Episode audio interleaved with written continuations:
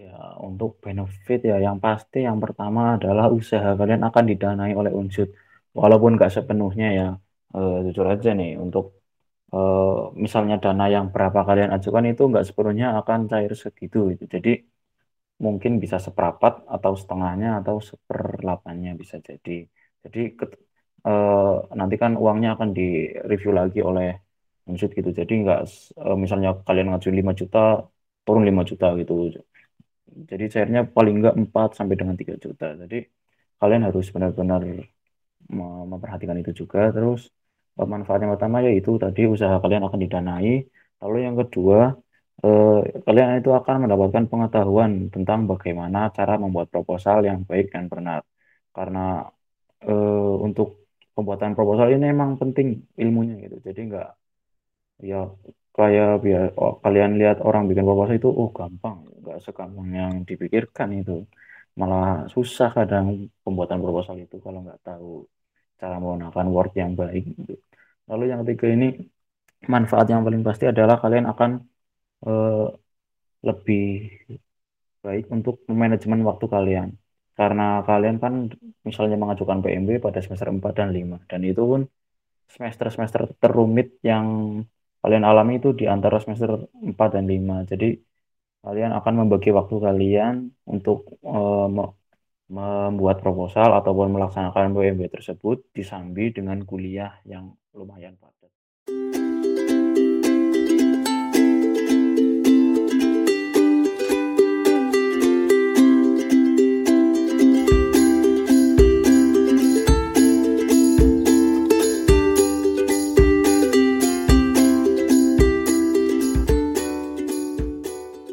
Assalamualaikum warahmatullahi wabarakatuh. Waalaikumsalam warahmatullahi wabarakatuh. Halo guys, welcome to KWU Podcast. Kali ini di malam yang syahdu, kalian bakal ditemenin sama aku Raffi kembali lagi pada acara yang sangat spektakuler dan pada episode kali ini kita bakal ngasih tahu ke kalian gimana sih ngembangin minat dan jiwa kewirausahaan melalui PMW. Nah, mungkin di sini kalian udah ada yang tahu ya, dan apa itu PMW. Nah, mungkin uh, dari kalian semua ada juga yang belum tahu tentang PMW ini sendiri. Nah, kalau kalian belum tahu, nanti kita bakal uh, kedatangan seorang narasumber yang tentunya top markotop dan tentu udah ahli ya di bidangnya. Nah, sebelum masuk ke materi, kalian tuh uh, pengen gak sih punya usaha sendiri yang tentunya bisa menghasilkan cuan yang banyak ya dan tapi dari kalian semua masih terkendala modal untuk memulai usaha. Kalau iya, kalian harus wajib banget dengerin podcast kali ini dengan tema auto cuan coba usaha pakai PMW. Nah, pada episode kali ini aku udah ditemenin sama uh, narasumber yang sangat top Marco top ya, tentunya udah ahli di bidangnya. Mungkin kalian di sini udah pada nggak sabar, langsung aja kita sambut narasumber yang keren pada malam hari ini. Halo Mas Elmi, apa kabar Mas? Halo Mas Raffi, Alhamdulillah sehat hari ini.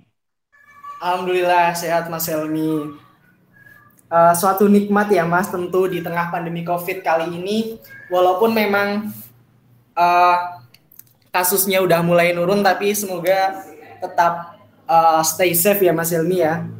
Iya benar. Nah sebelum mulai ke pembahasan kayaknya nggak afdol ya Mas kalau mungkin uh, sebelum kita berbincang-bincang tapi mungkin teman-teman di sini belum kenal sama Mas Helmi bisa perkenalan dulu ya Mas.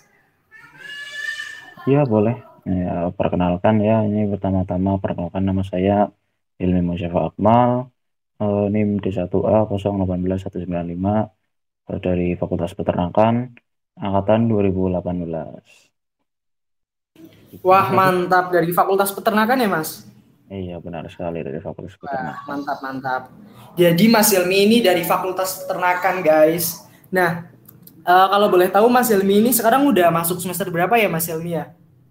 Iya, alhamdulillah kalau di uh, budaya ayam itu udah memasuki fase akhir atau semester tua ini. Masuk semester 7 sekarang. Baik, baik. Semester 7 jadi ini teman-teman. Jadi ini memang mungkin uh, sudah sibuk uh, skripsi gitu ya Mas Helmi ya? Iya, sudah mulai sedang merencanakan mau penelitian apa seperti ya, itu. Waduh, mantap nih Mas Helmi nih. Oh ya Mas, ngomong-ngomong Mas, uh, tentu uh, selain sibuk skripsi, mungkin juga uh, tentu kuliah ya Mas Helmi ya. Uh, selain itu, mungkin ada aktivitas lagi Mas yang lain? Kesibukan yang lain mungkin? Mungkin akhir-akhir ini saya lagi sibuk di ini kerjaan uh, sebagai freelancer, terutama di uh, perusahaan di bawah kakak tingkat saya, sehingga ya kadang setiap hari saya uh, latihan ngedit, terus nyari ide dan lain-lainnya buat nambah penghasilan seperti itulah. Wah mantap mantap mantap. Jadi uh, dari Mas Helmi ini walaupun memang Mas Helmi masih menyandang ya status sebagai mahasiswa tapi uh, patut dicontoh ya buat teman-teman semua Mas Helmi itu udah bisa uh, menghasilkan gitu ya teman-teman ya. Nah keren-keren patut buat dicontoh teman-teman semua khususnya teman-teman Imbara. Oh ya Mas denger-dengar Mas Helmi ini udah pernah ikut PMW dan lolos ya Mas Helmi ya. Ya alhamdulillah sebuah kegabutan saya bisa uh, meloloskan PMW di tahun 2020 kemarin sih. Baik, gabut gitu ya Mas ya. Gabutnya iya. lolos PMB gitu ya Mas Ilmi ya. Iya, itu nggak sengaja lolos. Nah, nggak sengaja. Oke, baik, baik, baik. Nah, alhamdulillah ya teman-teman ya. Jadi Mas Ilmi ini uh, motivasinya sangat menarik ya. Uh, maksudnya uh, karena gabut itu bisa langsung lolos PMB nih patut dari dicontoh ini Mas Helmi ini. Nah, alhamdulillah bisa lolos PMW angkatan tahun 2020 kemarin ya Mas Helmi ya. Nah, uh, mungkin dari teman-teman Imbara Unsut ini juga pasti banyak ya Mas, ada yang belum paham mengenai apa sih itu PMW. Uh, eh, PMW itu uh, bedanya apa ya mungkin sama event-event uh, yang lain. Nah, kalau menurut Mas Helmi, PMW itu apa sih Mas? Eh, menurut saya sendiri ya kalau PMW ya PMW dari kepanjangannya saja itu program mahasiswa wirausaha. Nah program ini uh, bertujuan untuk uh, menyiapkan kalian sebagai mahasiswa untuk menjadi sebuah wirausahawan. Nah, jadi dari Unsut sendiri ini menyediakan program PMW ini untuk menjadikan kalian itu sebagai wirausaha, wirausahawan baik baik di dunia kuliner uh, di dunia peternakan, pertanian, perikanan, atau di bidang-bidang yang kalian sukai seperti itu. Uh, singkatnya seperti itu sih untuk Oke, mantap Mas Helmi. Jadi mungkin bisa diambil kesimpulan bahwa PMW itu intinya adalah uh, suatu program yang uh, menjadi sebuah jembatan bagi mahasiswa, bagi teman-teman yang mungkin bercita-cita menjadi uh, pengusaha atau mungkin bisnismen gitu gitu Mas Helmi ya Mas. Nah, ya, benar. Uh, sebenarnya ya betul. nah, sebenarnya uh, mungkin dari teman-teman juga ada yang uh, bertanya-tanya ya, PMW itu kan uh, hampir mirip sama PKMK, Mas. Nah, itu ada perbedaannya nggak sih, Mas? Uh, maksudnya itu uh, PKMK itu kan juga bergerak di bidang kewirausahaan ya, Mas. Jadi uh, mungkin Mas Ilmi bisa kasih tahu perbedaannya apa yang uh, membedakan antara PKMK sama PMW biar teman-teman Imbara ini bisa membedakan uh, ini PMW mungkin fokusnya ke mana, kalau PKMK juga ke mana gitu Mas Elmi. Ya, untuk uh, perbedaan yang mendasar sekilas yang saya tahu itu perbedaan antara PM, eh, PKM dan PMW adalah ketika PKM diselenggarakan itu uh, diselenggarakannya oleh Ristek Dikti Sedangkan uh, untuk PMW sendiri ini diselenggarakan oleh pihak unsur sendiri, uh, sehingga uh, untuk pesertanya pun berbeda, di mana PKM ini bisa diikuti oleh seluruh uh, mahasiswa di universitas di Indonesia. Nah, sedangkan untuk PMW sendiri ini untuk uh, mahasiswa unsur sendiri, sehingga chance kita untuk uh, masuk di PMW mendapatkan modal untuk mengembangkan usaha kita ini lebih tinggi dibandingkan dengan PKM seperti itu sih. Oh baik Mas Hilmi, jadi uh, teman-teman udah pada tahu kan ya bedanya PKMK sama PMB itu jadi beda tentunya. Ya mungkin memang uh, spesifikasinya sama ya di bidang kewirausahaan, tapi uh, kalau PKMK itu di bawah Ristek Dikti ya Mas Hilmi ya. Tapi kalau PMW itu di bawah Unsut gitu ya Mas. Jadi memang uh, buat teman-teman kesempatannya lebih terbuka lebar di PMW ini. Nah, uh, sebelum bertanya mungkin lebih lanjut ya Mas, aku jadi penasaran nih apa sih Mas alasan Mas Hilmi ikut PMW Mas yang mendasari yang yang membuat Mas Hilmi kok ah aku mau coba PMW nih. Kira-kira apa Mas Hilmi? Hmm, alasan yang pertama sih uh, pertama ya saya emang pengen jadi seorang wirausahawan ya. Terus uh, cari info dari dulu katanya ada program dari Unsut ini ini namanya PMW uh, dari KT gitu. Jadi saya kepo ini PMW apa. Nah saya tungguin pas apa ya tahun 2020 itu harusnya kan diadakan sekitar bulan Maret atau April gitu. Nah karena terbentrok dengan pandemi eh, pelaksanaannya tuh diundur jadi sekitar Juli Juni gitu. Nah ketika itu pun ya saya Bismillah lah ikut daripada saya gabut kan ngapain coba bikin proposal gitu. itu sih alasannya sih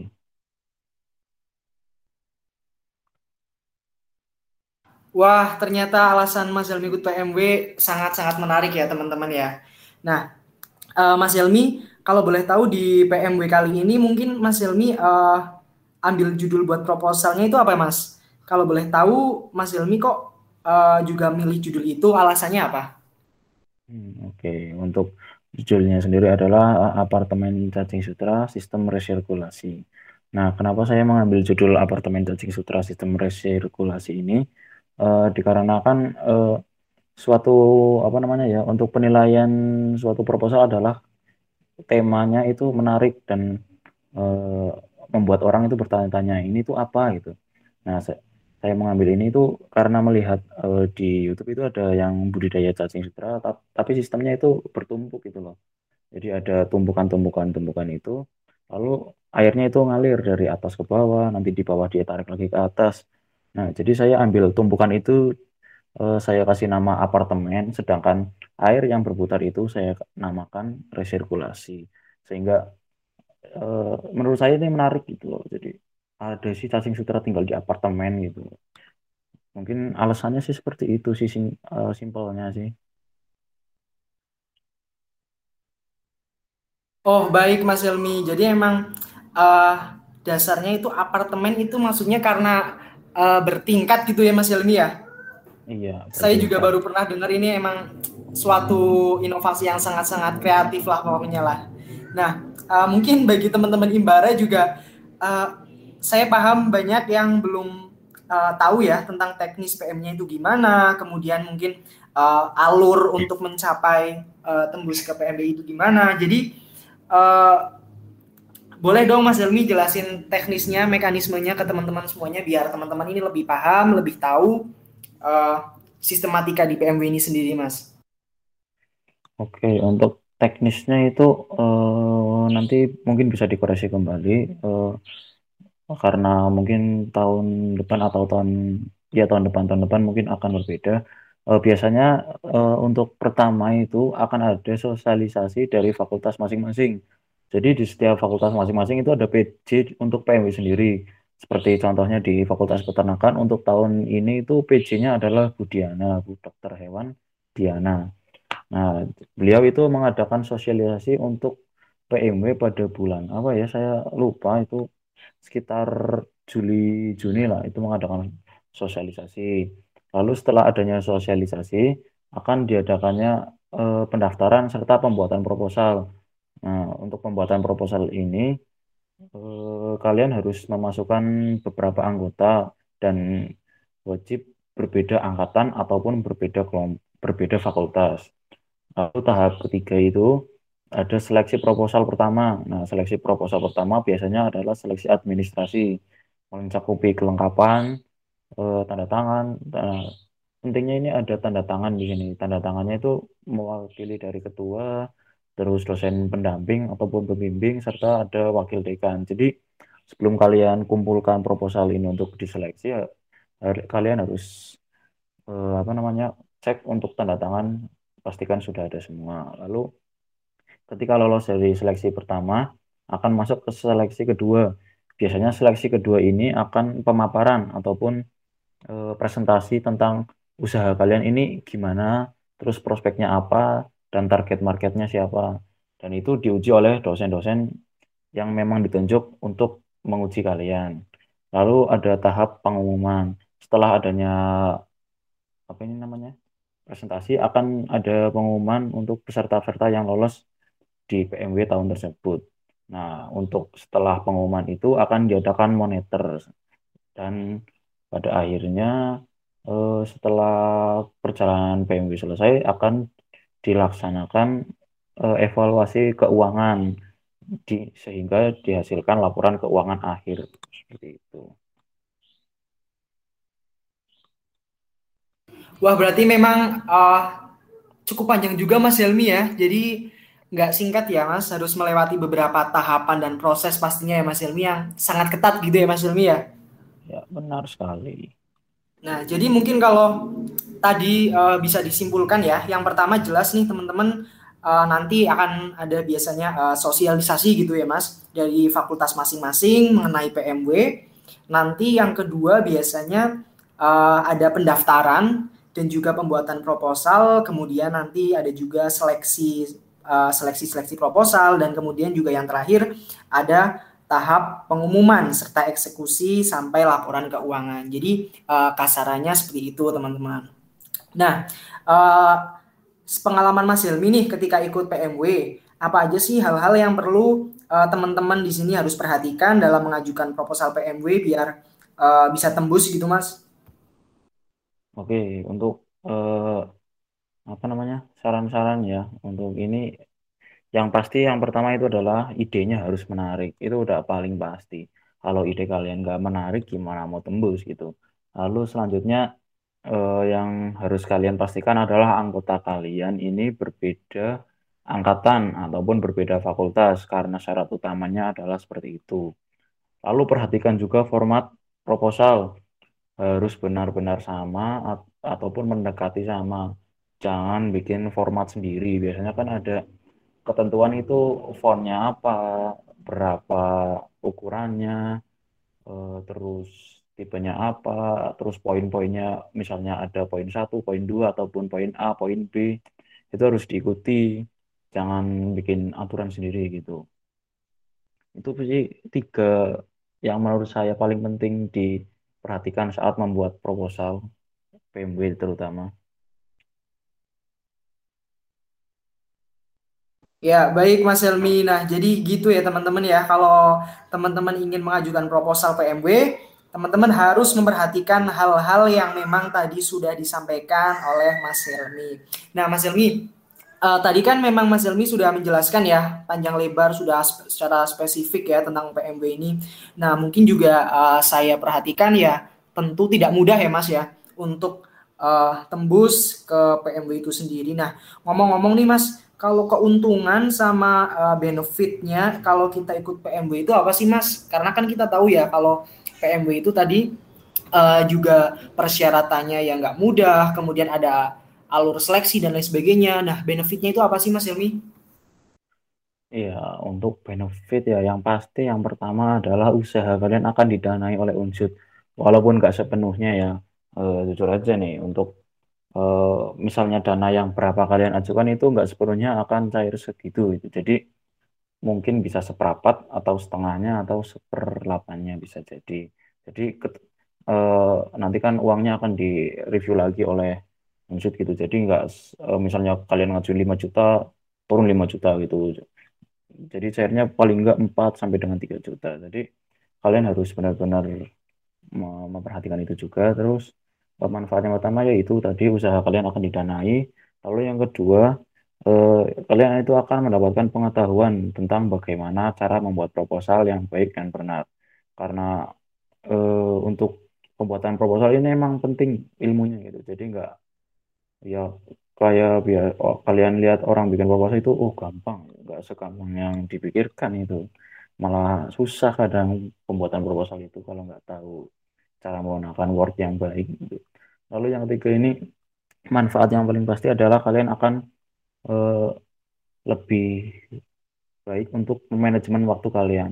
Karena kalian kan misalnya mengajukan PMB pada semester 4 dan 5 dan itu pun semester-semester terumit yang kalian alami itu di antara semester 4 dan 5. Jadi kalian akan membagi waktu kalian untuk uh, membuat proposal ataupun melaksanakan PMB tersebut disambi dengan kuliah yang lumayan padat. Nah, seperti itu sih beberapa manfaat yang saya rasakan saat menjalani PMB tahun kemarin.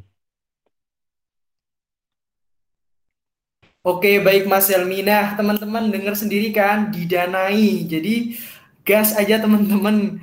Karena kalau mungkin saya juga paham ya Mas, kalau memang PMW ini emang goal atau tujuan utama adalah didanai gitu ya Mas Helmi ya.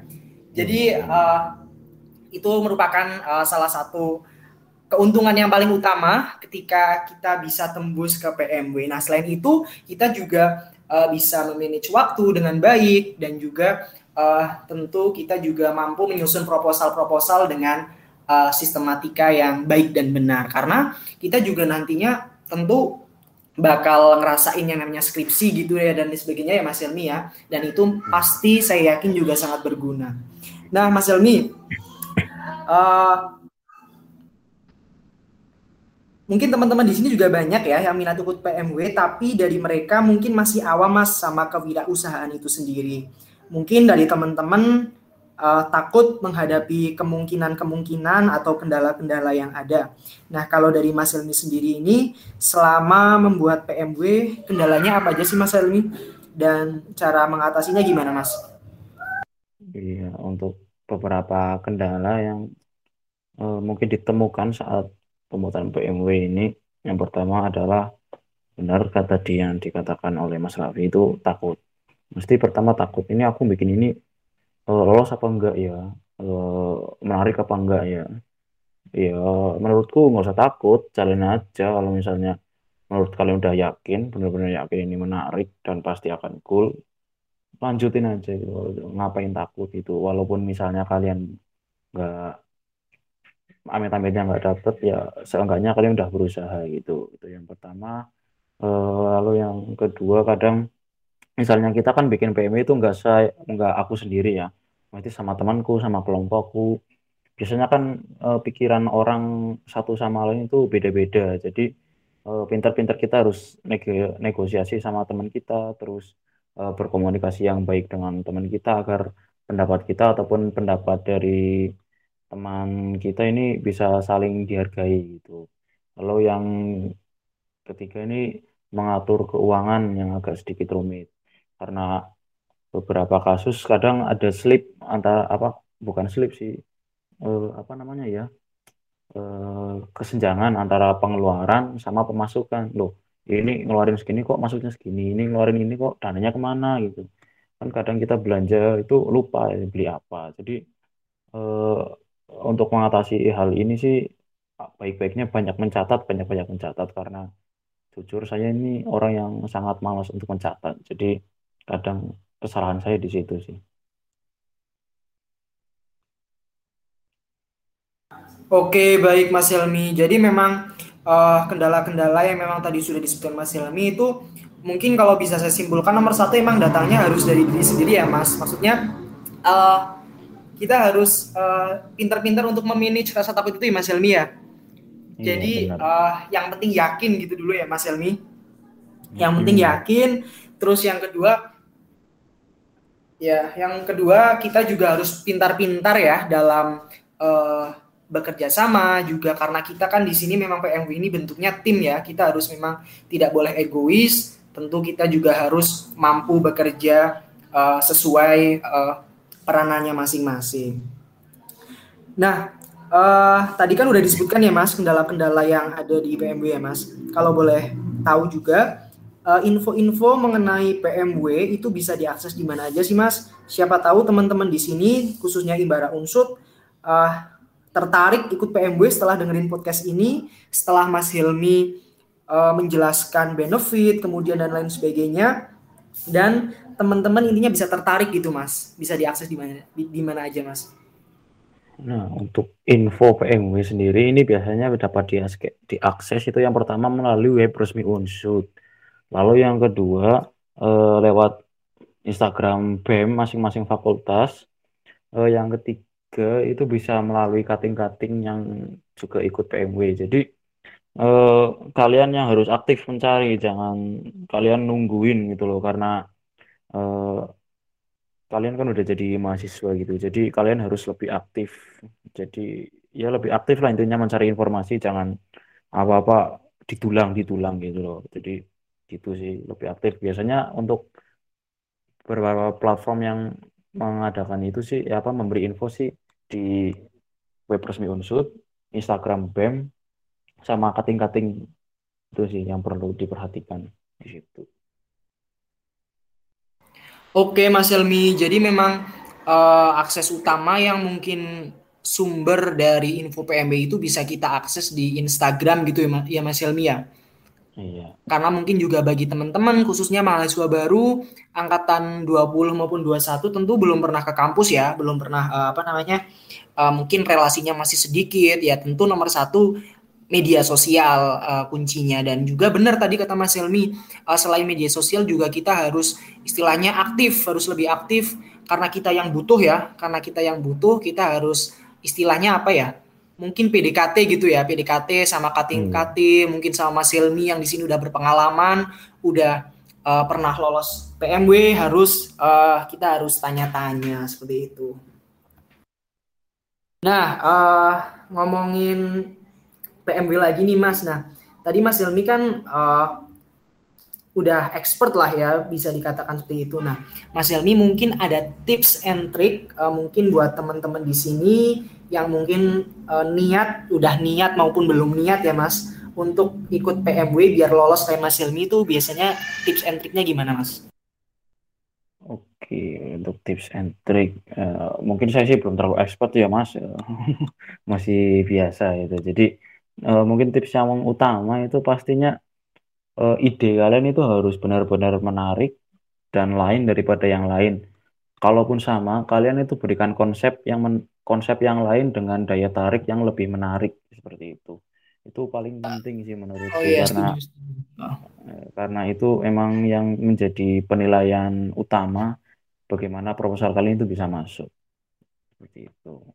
Oke baik, jadi mungkin uh, ke originalitas gitu ya Mas ya, kalau bisa dibilang ya. Originalitas, ya. Ya original ya, betul. Ya, itulah. Uh, jadi mungkin, jadi mungkin emang ya namanya PMI ya kita harus dituntut ya untuk selalu apa namanya uh, memiliki pemikiran yang out of the box bisa dibilang kayak gitu, biar uh, kita bisa berbeda pemikirannya dari teman-teman yang lain seperti itu.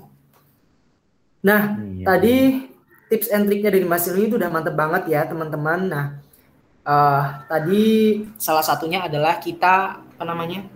Uh, salah satunya kita harus uh, selalu berpikir kreatif. Kita juga tidak boleh apa namanya plagiat dengan orang anu teman-teman yang lain dan mungkin uh, bisa kita ATM yaitu amati, tiru dan modifikasi seperti itu.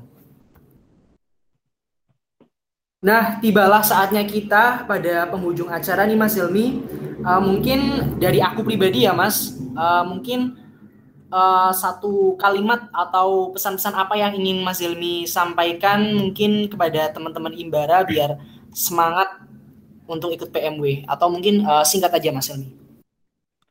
Oke, untuk mungkin pesan ya karena kita generasi COVID ini ataupun generasi online, jadi kalian jangan kalah dengan teknologi sekarang. Kalian harus tetap maju apa pun yang terjadi.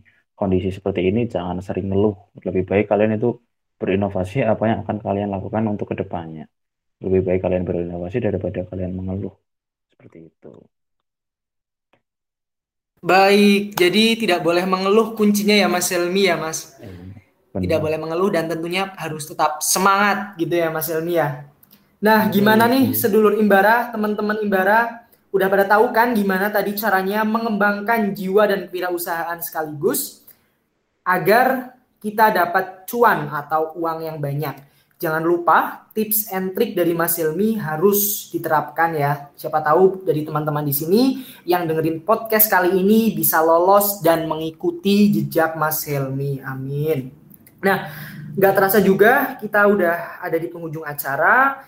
Kami, saya selaku host pada kesempatan kali ini, Raffi mengucapkan terima kasih terutama di sini kepada Mas Helmi selaku narasumber kita yang sangat uh, kreatif ya, yang sangat kreatif, yang sangat menginspirasi. Tentu dari cerita Mas Helmi ini tadi tentang uh, perjuangan ya, kisah beliau akhirnya uh, Mas Helmi ini bisa lolos PMW mungkin bisa dijadikan pembelajaran ya bagi teman-teman uh, Imbara semua dan juga saya juga mengucapkan terima kasih kepada teman-teman di sini yang setia uh, selalu mendengarkan bincang-bincang santai aku dan Mas Hilmi. Semoga podcast kali ini bisa memberikan manfaat bagi kita semua. Tetap semangat menjalani kehidupan ini dan jangan lupa jaga kesehatan. See you next time. Wassalamualaikum warahmatullahi wabarakatuh. Terima kasih Mas Helmi. Sama-sama.